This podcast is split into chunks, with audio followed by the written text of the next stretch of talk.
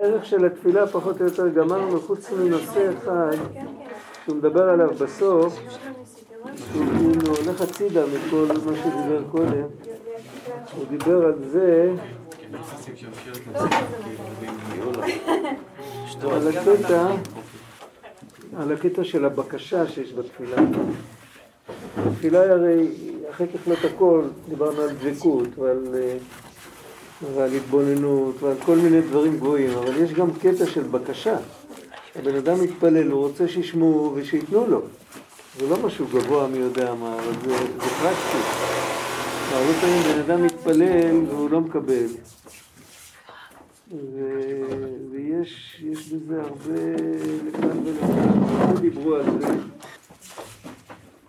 פעם היה מישהו שאמר שאם הוא זוכה, הוא זוכה לתפילה טובה, הוא זוכה לדבקות בתפילה או להסתפקות הנפש, אז כבר לא אכפת לו אם התפילה התקבלה או לא התקבלה, וכבר לא אכפת לו אם הוא מקבל מה שהוא ביקש או לא קיבל מה שהוא ביקש.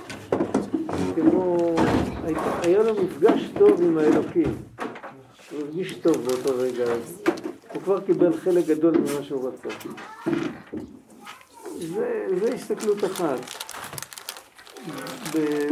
באופן זה, זה דיבור בלתי רשמי כזה, מה שכתוב בספרים, כתוב שהרבה פעמים אה, האדם לא מקבל מה שהוא מבקש בגלל העיתוי, העיתוי, הזמן. אם הוא מקבל עכשיו את כל מה שהוא ביקש, יכול להיות שזה לא יהיה לטובתו. ואחרי שהוא מחכה בסבלנות, הוא הופך להיות כאילו לקבל את השפע שהוא ביקש. ואם הוא מחכה לא בסבלנות, אז יש לו כלי פחות משופר. אבל עצם האמתן, הלחכות, היכולת לחכות,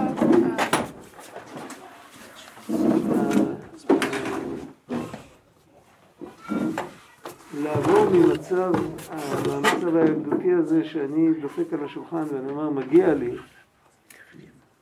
אז למצב יותר מבוגר שמסתכל על הכל בצורה יותר, עם פרספקטיבה יותר רחבה.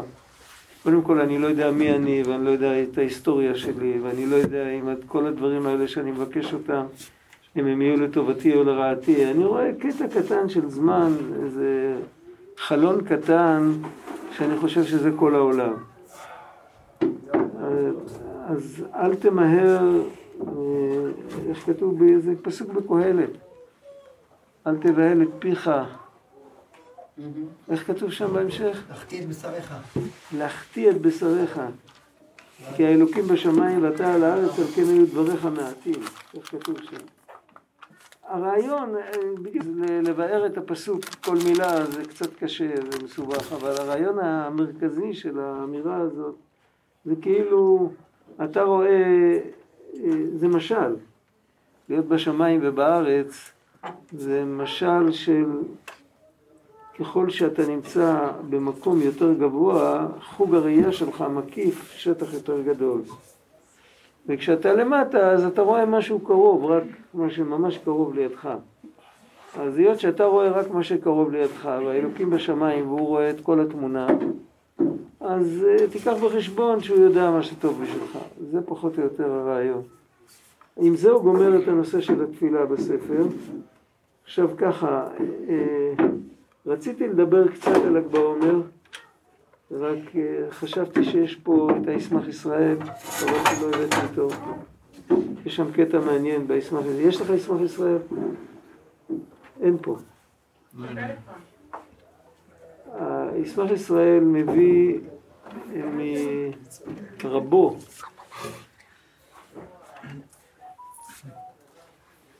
מישהו שמע על האדמו"ר השותק? שמעתם את הביטוי הזה? האדמו"ר השותק היה רבו של רבו של הישמח ישראל. איך הוא לימד אם הוא כל הזמן שתק? אז באמת תלמידים שלו היו צריכים ממשפט קצר, הישמח ישראל עצמו הוא לפעמים אה, מפי השמועה, מפי מה שהוא שמע מרבו, הוא מביא זוג מילים שהאדמו"ר השותק אמר, והוא כותב עליהם כמה דפים כביאור, כפירוש. על כל פנים, הוא מביא מרבו, את זה הוא לא מביא מהאדמו"ר השותק, הוא מביא מרבו, בספירת העומר אנחנו מזכירים, אה, ביום הראשון של הספירה אנחנו מזכירים חסד שבחסד. מי זה רבו? רבו היה, אה, אני לא זוכר כרגע את שמו, שם העיר שהוא גר בה היה ביאלה, בפולין. עיר לבנה.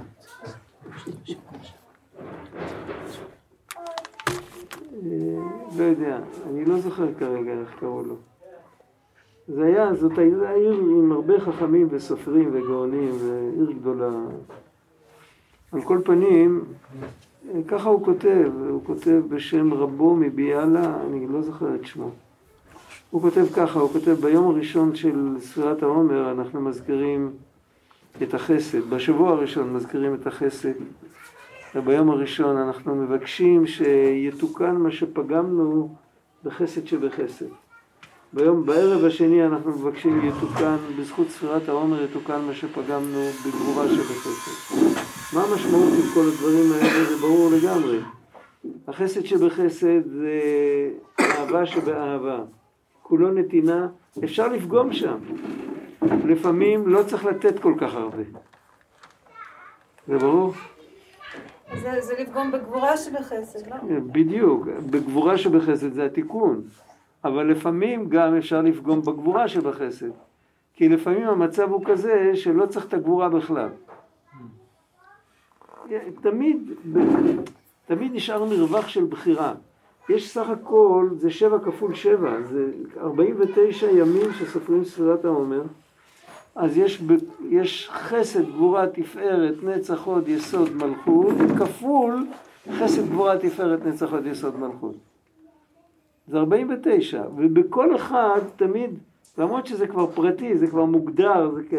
נגיד אה, הוד שבחסד, או הוד שבגבורה, או הוד שבתפארת, אבל יש שם איזה מרווח של בחירה שאפשר לנטות מהמרכז, אפשר לנטות ימינה יותר מדי או שמאלה יותר מדי, וזה תמיד לא רצוי. הבן אדם צריך להיות מכוון לשביל הזהב, מה שנקרא.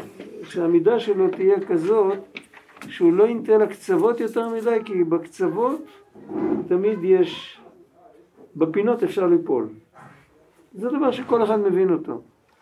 ואנחנו, אם אנחנו פוגמים בנפש, אנחנו פוגמים גם בספירה המקבילה למעלה, כי הכל תלוי באדם. ו, וככה זה יורד ויורד ויורד, אנחנו מתקנים כל פעם מקום יותר נמוך.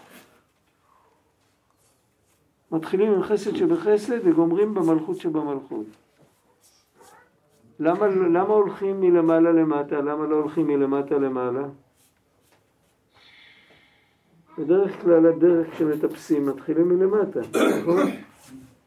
התשובה היא שזה כמו, בעצם אנחנו מנסים להוציא את עצמנו מהבוץ. כשאנחנו מוציאים את עצמנו מהבוץ, מה יוצא ראשון? ראש. אם אנחנו לא בעמידת ראש בתוך הבוץ. מה יוצא ראשון? הראש. מה יוצא אחרון? כפות הרגליים. ואם ה, כפות הרגליים כבר יוצאות, סימן שכל הבן אדם כבר למעלה. זה בעצם הביטוי של רבנו, שהוא מדבר על שירידה היא תכלית העלייה. אם אתה כבר מתעסק עם הדברים הנמוכים, אם אתה מתקן גם את החלק הנמוך של ההוויה שלך, אז סימן שהרמת את כל, ה, את כל הקומה. אנחנו מתחילים לתקן את החסד ואת הגבורה, שזה המידות העיקריות, המידות שבלב. המידות האחרונות הן כבר בעולם המעשה, כבר בעולם הפרקטי. שם הרבה יותר קשה לתקן. הרבה יותר קל לתקן בלב מאשר לתקן בהתנהגות. עוד פעם, באופן רשמי זה הפוך. אה, באופן רשמי אתה יכול לתקן בהתנהגות בתור תרגולת, ועד שאתה מתקן בלב זה ייקח כמה שנים, זה באופן רשמי. אבל למעשה, אם, אם נסתכל על עצמנו נכון, אנחנו נראה שאנחנו יכולים להעביר סוויץ' במוח ולהתחיל להסתכל על המציאות בצורה יותר מבוגרת ושדברים לא ירגיזו אותנו ושאנחנו לא נקנא ולא, זה לא עבודה כל כך קשה. אבל כשזה מגיע לעולם הפרקטי ושם נכנס הגורם של ההרגל ההרגל זה אחד מהדברים הכי חזקים בעולם שלנו אנחנו אפילו לא יודעים עד כמה אנחנו שפוטים של ההרגלים שלנו. ההרגלים הם בדרך כלל לא ברמה של החסד גבורה תפארת, אלא ברמה של הנצח עוד יסוד, ברמה הנמוכה יותר. ואם אנחנו כבר מצליחים לתקן את מה שפגמנו שם, סימן שכל כולנו אנחנו יוצאים מהבוץ. בשביל זה מתחילים קודם מהחלק התיאורטי, ואחר כך מנסים לשלוט גם בחלק הנמוך יותר. עכשיו, השמות של הספירות, אז החסד, אנחנו יודעים מה זה, אנחנו לא יודעים למה קוראים לזה ח' סמ"ך ד' בדיוק. אה, קשה להיכנס, אנחנו לא בלשנים, קשה להיכנס לעומק של השפה. זה מקצוע. אבל אה, אנחנו יודעים שחסד זה נתינה, הפנימיות של החסד זה אהבה. גבורה זה עצירה של שפע, גבורה זה תמיד ליצור הפתעה. אם בן אדם, או בעצם זה מתחיל, הגבורה מתחיל בסיפור של הספירות למעלה, בספירות האלוקיות, זה הפתעה שהאלוקים לא רוצה לתת. מה שהיינו מצפים ממנו זה שהוא ייתן בידו הרחבה, כי הוא אלוקים, הוא תכלית הטוב. וההפתעה שלנו זה כשהוא אומר לא. זה מידת הגבורה. גיבור הוא אדם שעושה הפתעות. מה המשמעות של גיבור? הוא, הוא, הוא מחולל דברים שלא היה עולה בדעתנו שמישהו מסוגל לעשות אותם. זה המשמעות של גבורה. בדרך כלל אנחנו אומרים שגיבור, הגבורה של הגיבור זה לא בכן לעשות, אלא בלא לעשות. הכובש את יצרו. הכובש את יצרו. לפעמים אה, מושל ברוחו מלוכד עיר, זה הגבורה, לוכד עיר זה גבורה. התגברות. זו בעצם התגברות. להתגבר, אבל זה הפתעה תמיד. כי יש לנו את החלק הספונטני שזורם אה, ככה, יש מעשים שזורמים, יש דיבורים שזורמים. בדרך כלל מדבר, בן אדם מדבר, עד שהוא קולט שהוא מדבר, אז זה לוקח כמה, כמה שניות. הוא לא יודע שהוא מדבר.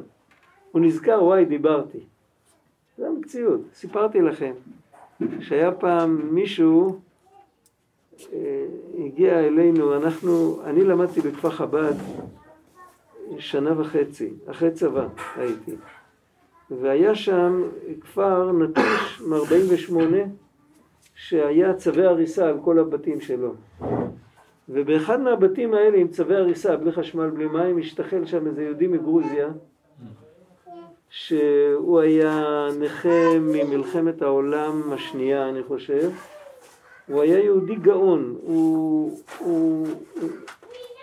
זה היה פשוט פלא נפלא לשמוע את הדיבורים שלו, הוא היה משהו, גם בפנימיות, הוא היה... וביום אחד בשבוע, ערב אחד, כל החבר'ה היו יושבים אצלו שם, היו מדליקים נר, הוא היה מדבר עם כולם. חבר'ה צעירים, בגיל שלי ככה, בגיל של אחרי צבא ככה. ואז פעם הוא אמר, הוא סיפר סיפור. הוא סיפר שהוא הכיר יהודי שתי דורות לפניו, שלפני שהוא נפטר, הוא אמר, לא הצלחתי. שאלו אותו, מה לא הצלחת? הוא אמר, לא הצלחתי כי רציתי לקבל על עצמי שלפני כל משפט שאני אדבר, אני אומר לעצמי, אני אשאל את עצמי, צריך לדבר? אולי זה מפריע למישהו, אולי זה לא, אולי זה לא נכון, ו, ו, ואפילו אם אני בסוף ייכשל, אם אני אגיע למסקנה שלא צריך לדבר, ואני בכל אופן לא אתגבר על יצרי ואני אדבר, כבר עשיתי משהו טוב כי ניסיתי לסנן. לא הצלחתי, אבל ניסיתי. אתם חושבים שהצלחתי לנסות? גם זה לא הצלחתי. לא הצלחתי, הייתי מדבר, ואחרי שכבר הייתי באמצע המשפט, אז נזכרתי ששכחתי לחשוב אם אני רוצה לדבר או לא. בקיצר, בן אדם מתפקד כמו בחלום, פחות או יותר. והגיבור מפתיע אותנו בדיוק בנקודה הזאת. אז אנחנו ניסינו, היינו בחורים צעירים, לא ידענו, לא הכרנו שום שיטות ושום עבודות ושום דבר. אמרנו לעצמנו, בואו ננסה לעשות ככה עם הבוהן בתוך הסנדל, כן? להרים ולהוריד לפני כל משפט, שנ... לפני כל משפט שנדבר. אתם חושבים שזה הלך? לא. לא הלך. אנחנו דיברנו, באמצע נזכרנו שלא הזזנו את הבוהן. הגענו למסקנה שאנחנו לא מדברים, זה, זה כאילו משהו מדבר מתוכנו, אבל זה לא אנחנו, אנחנו לא יזמנו את הדיבור. ואותו דבר במעשה, אותו דבר במבט, אותו דבר בתגובות. הרבה פעמים אנחנו בכלל, עכשיו הגיבור הוא קודם כל גיבור לא יכול, גיבור, כשהוא ישן הוא ישן, זה ברור.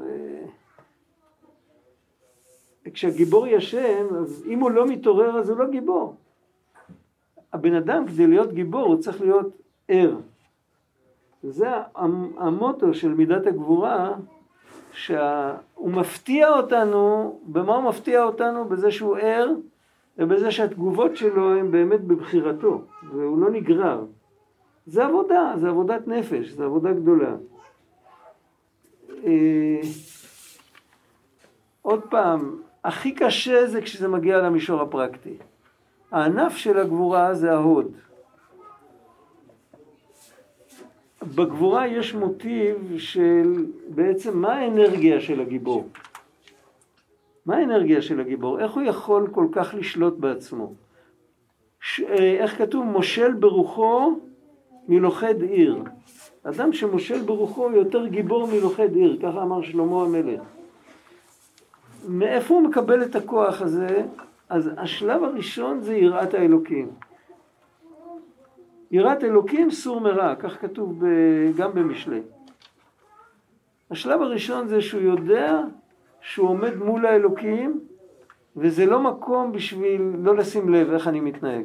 זה השלב הראשון, השלב הראשוני. אחר כך הוא יכול להגיע למדרגות יותר עליונות, אבל זה השלב הראשון. יש משהו יותר חיוור ויותר, הוא לא ממש עומד פנים אל פנים מול האלוקים, אין לו יראת אלוקים, אבל יש לו זיכרון שהוא שייך לאלוקים והוא יודע לומר תודה. זה השורש של המילה הוד. בהוד יש שני פירושים. יש פירוש אחד לומר תודה, והשבוע עכשיו, השבוע שלנו, זה השבוע של ההוד. יש פירוש לומר תודה, ויש פירוש להודות על האמת. אני מודה לך, זה יכול להיגמר המשפט, אני מודה לך בתנאים כאלה, אבל אני חולק עליך בתנאים אחרים. זה סוג אחד, ואפשר להגיד אני מודה לך מאוד על שעשית בשבילי כך וכך. אותה מילה היא גם תודה וגם הודעה על האמת. מי יודע לומר תודה? מי שיודע להודות על האמת. מי שלא יודע להודות על האמת, לא יודע לומר תודה. הוא אומר, זה אני. אני הייתי מסתדר בלעדיו גם כן. איך אומרים? תמיד ידעתי שזה כך. זה ככה, זה, מי שיודע, בן אדם שיודע לומר תודה, הוא מודה על האמת. עכשיו, אנחנו בווידויים ובתפילות אנחנו הרבה פעמים מזכירים את המילה מודים. מודים אנו לך, מודים אנחנו לך. הודיה. וגם בווידויים יש ביטוי כזה, אה, כאילו, להודות על האמת. זה בא מתוך זיכרון, אפילו לא מתוך חוויה, אלא מתוך זיכרון, מינימום. אין לנו את החוויה של עמידה מול האלוקים, אבל יש לנו את הזיכרון שאנחנו יודעים שהחוויה הזאת הייתה אמורה להיות החוויה שלנו.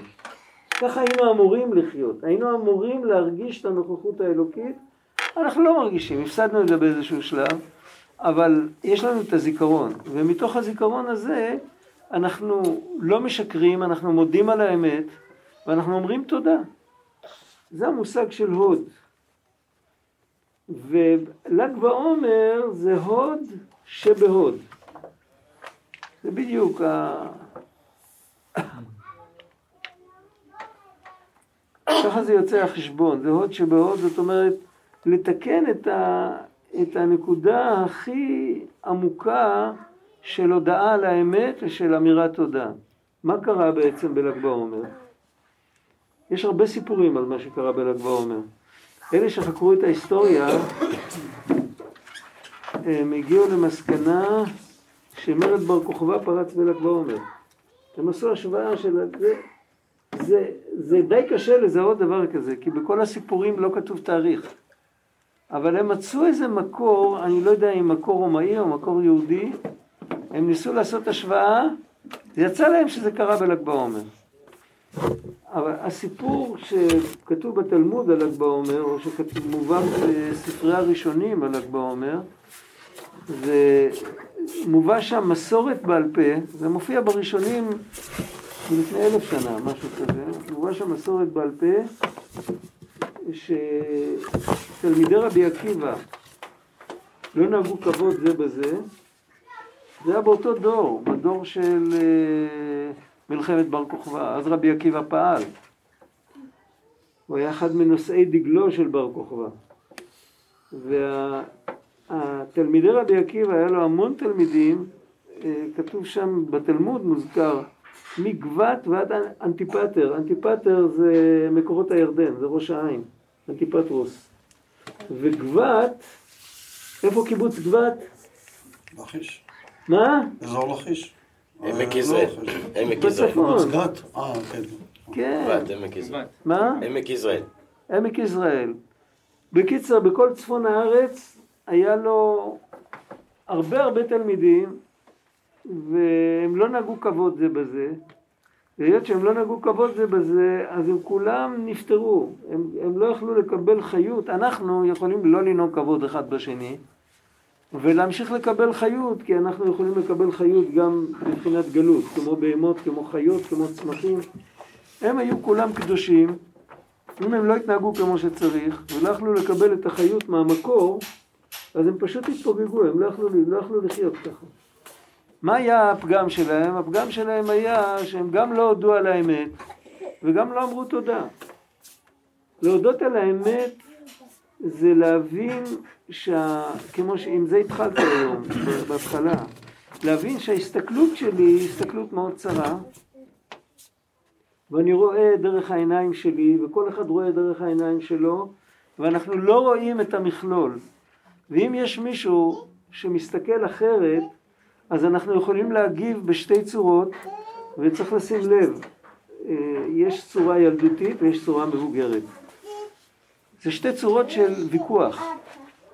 יש צורה ילדותית של ויכוח, שמיד עולים על בריקדות, אתה לא יודע מה שאתה מדבר.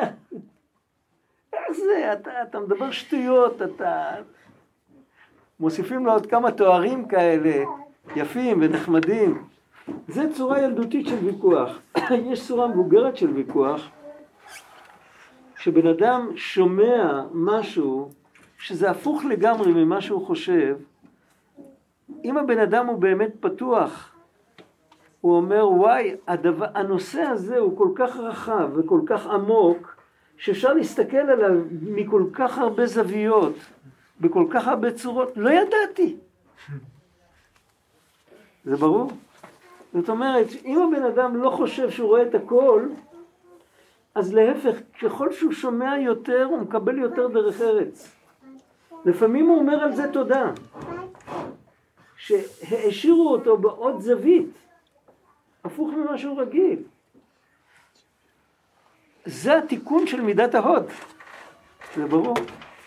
להפך, אם הוא, אם הוא סגור על, על התזה שלו, הוא יודע שזה ככה זה, וזה סוג של אני ואפסי עוד. יש פרק בישעיהו שהוא כותב פעמיים את הביטוי הזה. הוא מתאר שם סוג של אליליות. שאני ואפסי עוד. אני ואפסי, אין, אין עוד משהו. ההסתכלות הזאת היא הסתכלות צרה וקטנה, זה הפגם הכי גדול במידת ההוד, זה ההסתכלות הזאת, אני ואפסיות. והם פגמו לפי ערכם, אני לא יודע עד כמה הם שללו את המציאות של האחרים, אבל על כל פנים זה שהם לא נגעו כבוד זה בזה.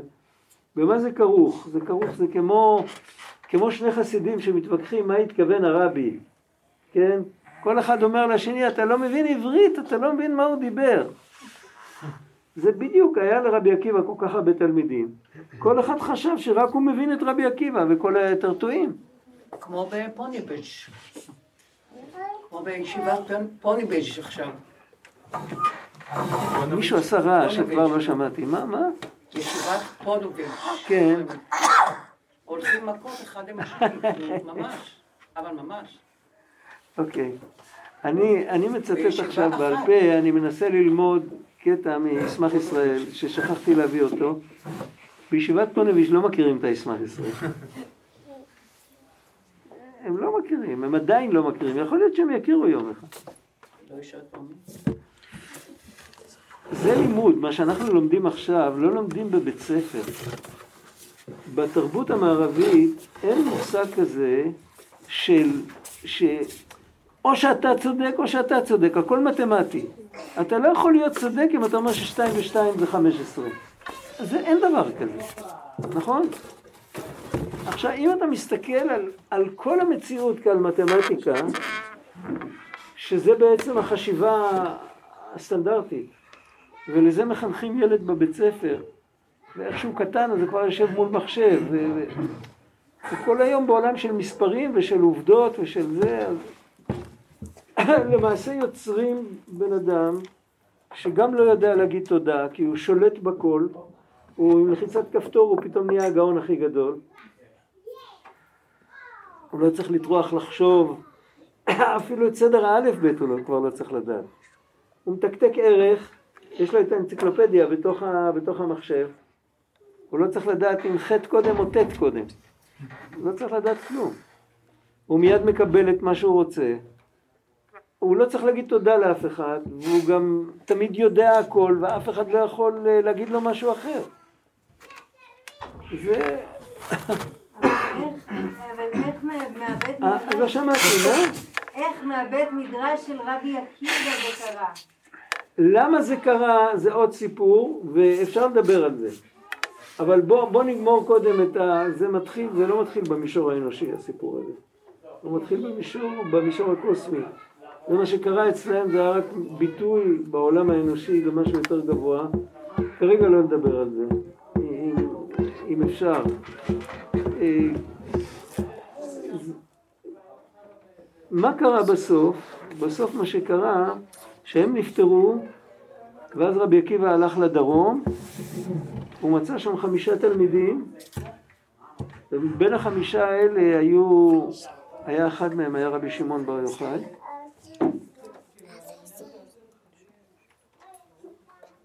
ומהם הוא התחיל לייסד מחדש בית מדרש, ומהם יש, את כל התורה שבעל פה יש לנו היום מהחמישה תלמידים האלה. כי אז עוד לא כתבו כל כך הרבה, ואחרי שכל הבית מדרש הגדול הזה התפרק וגם היו מלחמות וכל זה, אז היינו נשארים בלי מסורת, היינו נשארים רק עם הכתובים, וגם עם הכתובים ייתכן שלא היינו מצליחים להציל את הכל. זה שיש לנו את כל התנ"ך, זה גם נס. זה לא פשוט.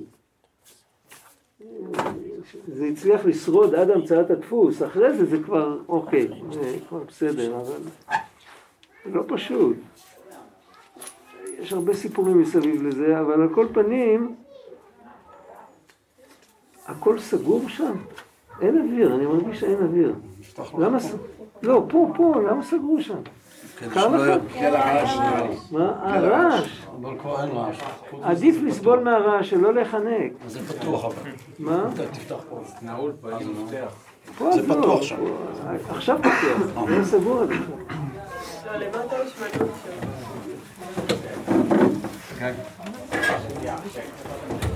גיא, גיא. אה, לא, לא משנה, זה מספיק, מספיק. התחושה שלי כבר התחלפה.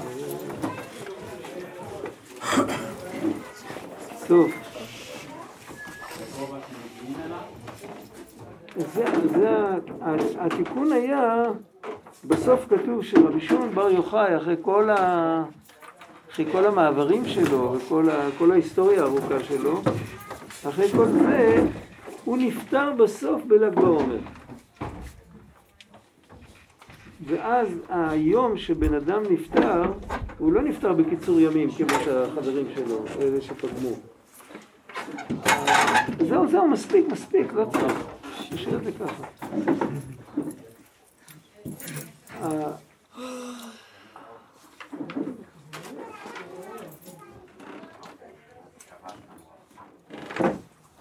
זהו, אוקיי. עכשיו הכל בסדר?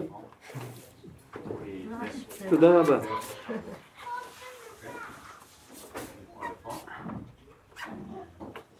במילים אחרות, מה שהוא רוצה לומר, הישמח ישראל, שרבי שמעון בר יוחאי עבד על התיקון של הוד שבהוד. זה היה העניין שלו, זה מה שהוא התחיל, הוא דיבר על זה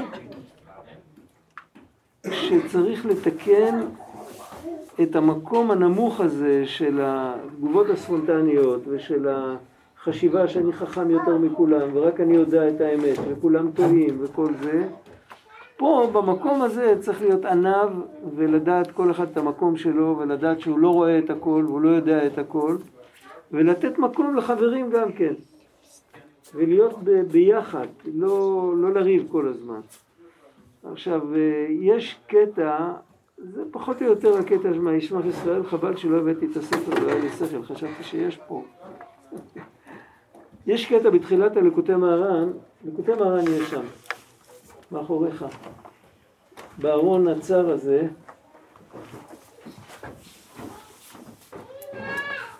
יש קטע שהוא הוספה, תודה רבה, הוספה בתחילת הספר, יש קטע על רבי שמעון בר יוחאי, כולם מכירים אותו, כי כל מי שפתח אי פעם את הספר מצא אותו. יש שם סך הכל שני ראשי תיבות, לא כתוב שם כלום. אבל אם מסתכלים טוב על המילים, אז הוא כותב שם עולם ומלואו. כתוב ככה, יש שם כותרת ארוכה, לכו חזו מפעלות השם, התגלות נפלא מסוד גדולת התנא האלוקי רבי שמעון בן יוחאי, זיכרונו לברכה. סוד זה כמו בחינה, אני לא מדבר דווקא על סוד. בשפה של המקובלים, מה, שה... מה שחכמי ימי הביניים היו אומרים בחינה, המקובלים קראו סוד. מה כתוב בפסוק של לכו חזו מפעלות השם? מה כתוב בהמשך של הפסוק בתהילים? לכו חזו מפעלות השם אשר שם שמות בארץ. חזו מפעלות השם שהוא עשה, הוא לקח ועשה שממה בארץ. חז"ל דרשו, אל תקרא שמות אלא שמות. שם זה הפוך מאשר שממה. שממה זה דבר שמוחקים כל דבר שיש, בו, שיש לו שם. זה הפך ההכרה, הפך ה... זה שממה. ואשר שם שמות בארץ, זאת אומרת שזה כמו, הוא, הוא השאיר טביעת אצבעות בארץ. יש כל מיני ניואנסים, כל מיני מקומות בארץ שדרכם אפשר להתחבר אליו. אז זה מפעלות השם, ועל זה הוא מזכיר את, זאת אומרת, הכלי שדרכו השם שם שמות בארץ, זה רבי שמעון בר יוחאי. מה היה? רבי שמעון בן יוחאי הבטיח שלא תשתכח תורה מישראל על ידו. כמובן בדברי רבותינו זיכרונם לברכה, כשנסעו רבותינו לכרם ביבנה, אמרו עתידה תורה שתשתכח מישראל. זה היה אחרי חורבן ירושלים, והם קיבלו ברוב תחנונים מה... מהכובש הרומאי, הם קיבלו איזה פינה ששם לא יטרידו אותם. זה היה ביבנה.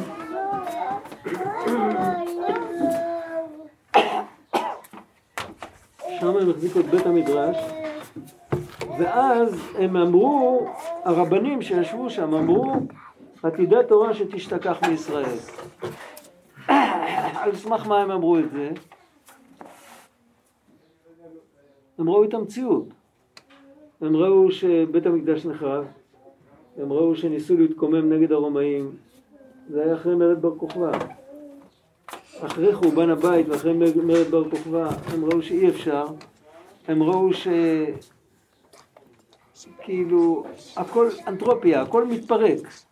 אז כנראה שביום אחד ישכחו את התורה. אין, אין סיכוי לעם שהמסגרת שמרה עליו ועכשיו המסגרת מתפרקת. אז אה, לא, מי אומר שיקרה נס ונזכור? מי אומר? מי, מי... ואמר רבי שמעון בן יוחאי שלא תשתכח. התורה לא תשתכח. האמירה הזאת זה לא סתם, אלא שהוא קיבל את זה על עצמו, זו היה העבודה שלו. הוא אומר, אני אדאג שהתורה לא תשתכח. איך? שנאמר כי לא תשכח מפי זרעו. זה כתוב בשירת האזינו, שבשירת האזינו מתוארות כל הקטסטרופות, ואף על פי כן כתוב כי לא...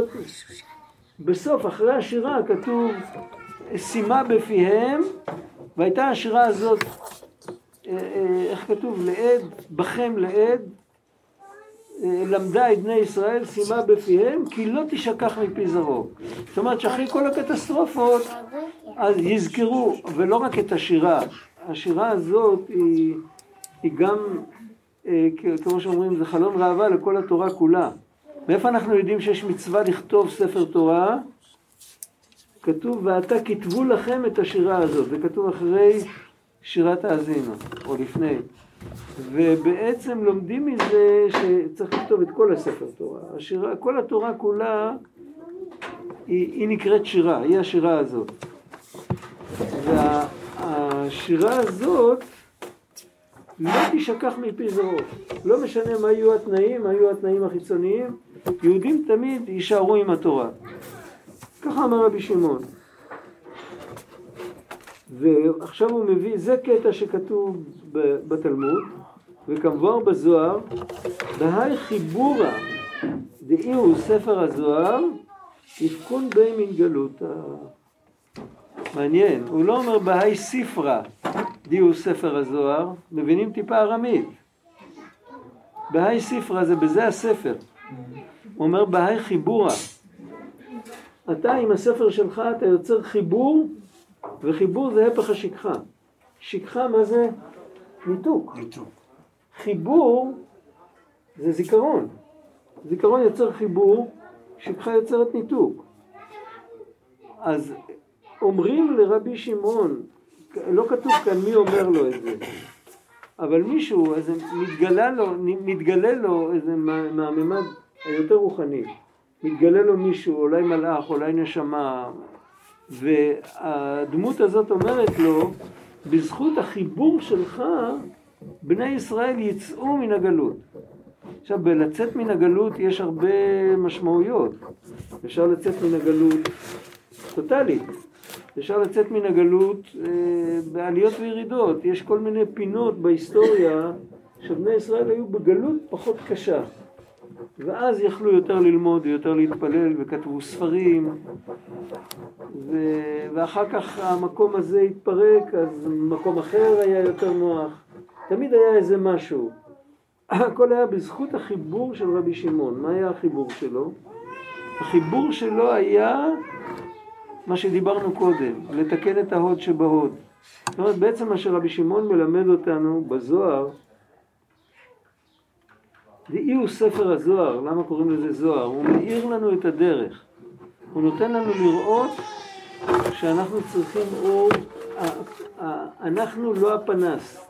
לנו יש זוג רגליים. את הפנס הוא נותן לנו. הוא נותן לנו אור שלבד לא היינו יכולים, לק... לא היינו יכולים לקחת. אנחנו לא יכולים לקחת. ואז אנחנו מתקנים את מידת ההוד. אנחנו נכנסים למין ענווה כזאת. אנחנו לא חושבים שאנחנו...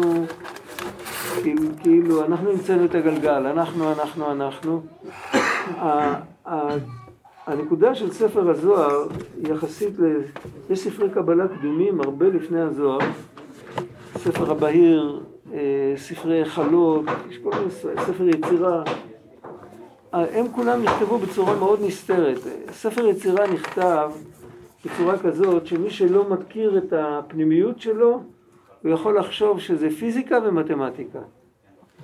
אם מסתכלים רק על הטקסט, ככה זה נקרא, ככה זה נראה. ו- ואם מישהו יכתוב על זה פירוש שזה פיזיקה ומתמטיקה, אי אפשר להכחיש אותו. אף על פי כן, אנחנו רואים שהקדמונים, כמו רבי סעדיה גאון, ועוד אה, כמה באותו דור, התייחסו לספר יצירה כאל משהו עמוק שהוא מדבר על, על עולמות עליונים ועל משהו רוחני ועל משהו אחר לגמרי ממה, זה, זה לא, הפיזיקה והמתמטיקה משקפות את זה ברובד יותר נמוך, אבל בעצם הוא בא לגלות משהו יותר גבוה. בטקסט עצמו לא רואים את זה. בספרי החלות, בכל הספרות הזאת, ספר הבהיר, רואים שמדברים על דבר מאוד גבוה, רואים את זה, אבל לא מבינים, לא מבינים משם כלום. זה לא מובן, זה לא טקסט מובן. הזוהר הוא נכתב בצורה כזאת שאפשר להבין אותו, אולי לא, אי אפשר להבין את כולו, קודם כל יש לנו מחסום של שפה, כתוב בארמית, ולפעמים הוא גם מדבר במליצה ובמשל, וב... אבל, אבל בדרך כלל הרבה יותר קל להבין מה הוא רוצה ולהבין שזה משהו פנימי. כשקוראים אותו, לא, אי אפשר לחשוב שזה מתמטיקה או שזה פיזיקה או משהו כזה. מבינים שיש כאן משהו פנימי יותר. להפך, מקבלים הסתכלות אחרת על, על התנ"ך ועל התלמוד ועל הכל. פתאום מבינים שכל דבר יש לו רובד יותר עמוק. כל סיפור בתנ"ך מתגלה שם ככל אישיות בתנ"ך מתגלה שם כי מתגלה שם איזה נקודה שמאחורי האישיות מתחבא איזה עניין מופשט שהאישיות סך הכל רק מגלמת אותו אבל היא לא הכל, היא לא כל הסיפור כמו שאמרתי קודם, מי שאל שהסיפור של תלמידי רבי עקיבא הוא רק, הוא רק תרגם לנו לממד הפיזי משהו שקרה במקום אחר. ואותו דבר כל הסיפורים של התנ"ך. את זה, את התובנה הזאת נותן ספר הזוהר. אז זאת אומרת שהוא לא נותן לנו להירדם. הוא לא נותן...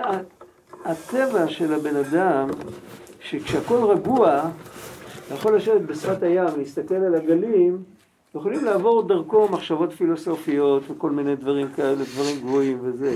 אבל אם הוא צריך להילחם מלחמת קיום על פת לחם ועל זה שלא יבוא איזה קוזק ויגרש אותו מהכפר שלו, אז אין לו זמן לכל הדברים האלה. הוא, רואה דברים, הוא בתוך, ה, בתוך הסמטוחה, הוא בתוך ה... הזוהר מחנך את הבן אדם לראות בתוך היום-יום, מה שלא יהיה, לראות שם משהו יותר עמוק. אפילו כשאין לו זמן, זה כבר הופך להיות ספונטני. זה, זה משנה את ההסתכלות בלכתחילה. לא צריך, אה, לא צריך להיזכר בדבר שקרה לפני עשרים שנה בשביל לפענח אותו בפרספקטיבה. מיד רואים שזה משהו אחר.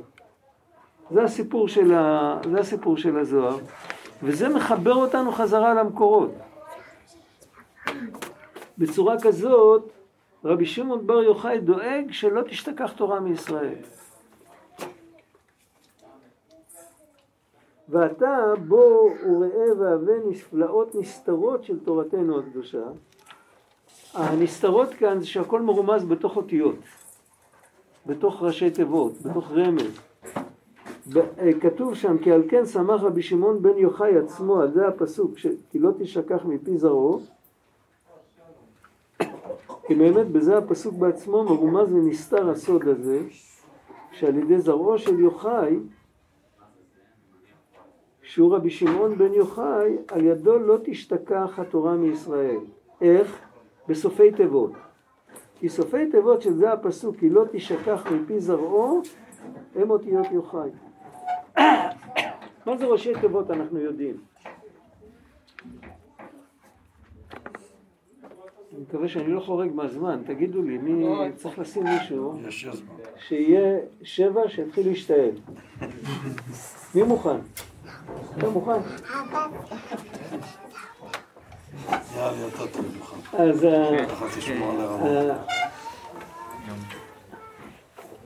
האותיות בלשון הקודש אנחנו רואים אותם כאילו שהם כתובים בקבלה, מסתכלים עליהם,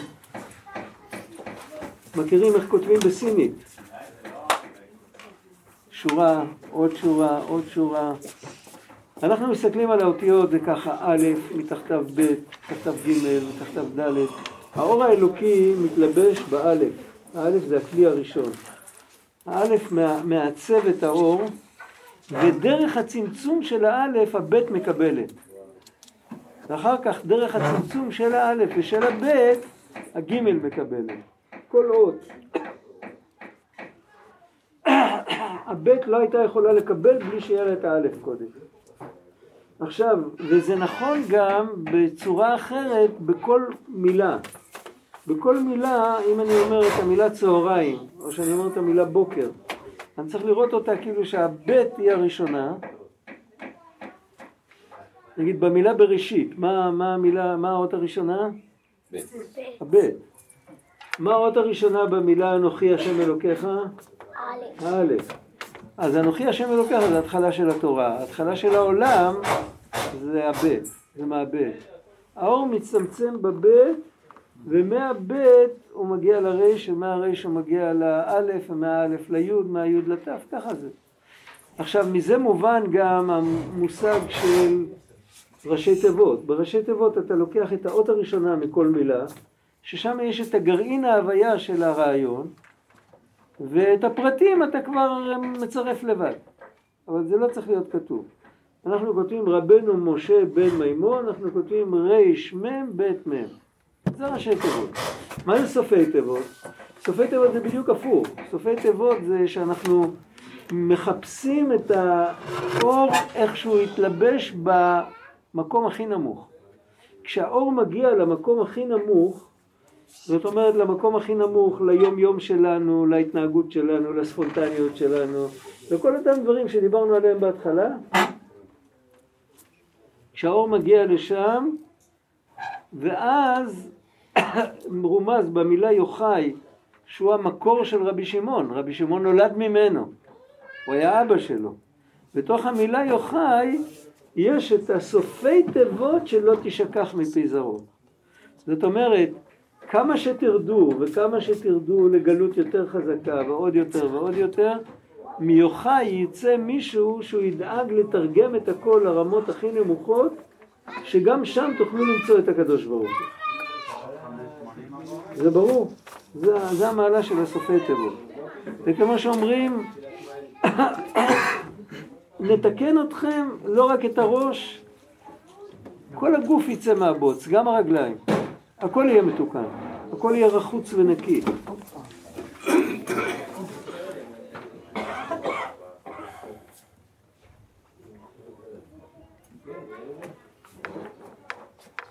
זה הכל דרך הזוהר? זה הכל, במה? מהזוהר. זה הכל רשב"י זה, עושה דרך הכוח? הזה נמצא בזוהר. כמובן שאת הזוהר אנחנו לא מבינים עד הסוף, בשביל זה הגיע אחר כך הרמ"ק, רבי משה קורדובר, הוא כתב פירוש על הזוהר, אור יקר. אחר כך הגיע אריזל, אריזל הוריד את זה עוד יותר, אריזל, הרמ"ק מדבר בשפה פילוסופית. אריזל נותן משלים מהעולם שלנו, מהעולם הפיזי, אבל קשה למצוא את הנמשל. יש ב... בהקדמה של הבעל שם טוב על התורה, יש קטע שמצוטט מפי הרבי מקומרנה, שהוא היה אחד מגדולי המקובלים בדורות האחרונים באירופה. הוא כותב שהבעל שם טוב ראה פעם את האריזל בחיזיון.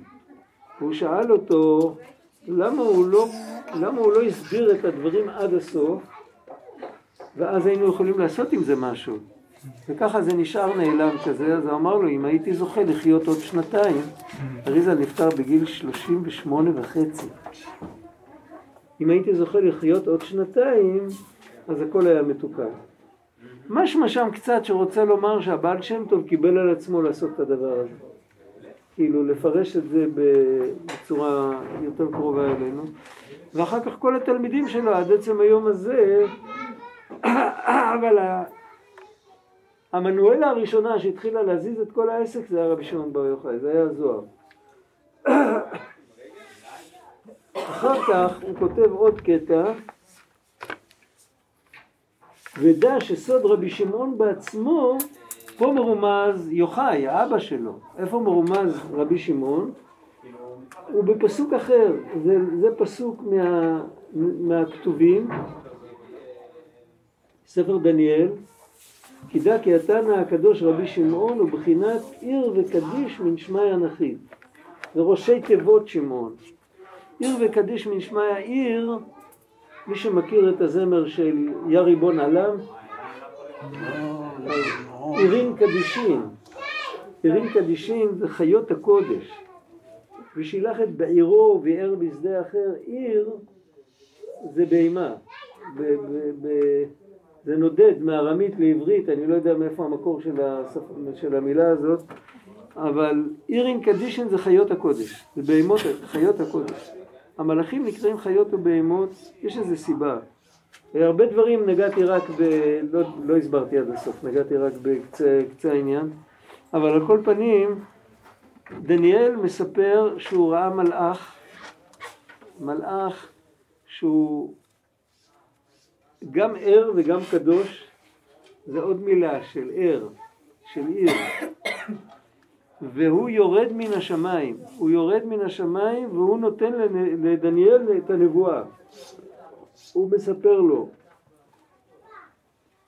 ושם מרומז בראשי תיבות את שמו של רבי שמעון.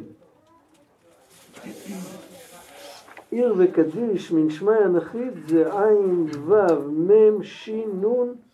בשינוי סדר זה האותיות של, זה האותיות של שמעון. זאת אומרת רבי שמעון בא כמלאך שבא בשליחות. למרות שהוא נולד כמו כולם הוא נפטר כמו כולם הייתה לו שליחות מיוחדת שאיך אומרים על הרמה העקרונית היה מתאים שישלחו בשביל זה מלאך. באמת צריך לשלוח דווקא בן אדם לדבר כזה. מלאך לא, לא, יכול, לא יכול לרדת למקומות הכי נמוכים. כתוב אה, ביציאת מצרים, ועברתי בארץ מצרים בלילה ההוא, אני ולא מלאך, אני ולא שרף. למה אמרו חכמים, אם היה מלאך יורד למצרים, הוא היה נשאר שם. הוא היה, הוא היה, היה שוקע בתרבות של המצרים, זה היה מצא חן בעיניו. בשביל הקדוש ברוך הוא בעצמו היה צריך לעבור. אבל נשמה היא יותר גבוהה ממלאך.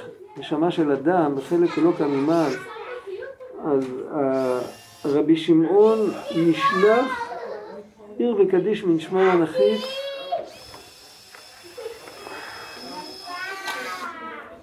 רבי שמעון נשלח מאת השם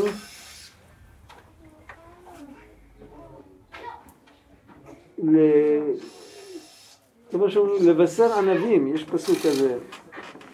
צריך להבין האריזל אמר שבעצם נשמתו של רבי שמעון הייתה כבר פעם בעולם הזה.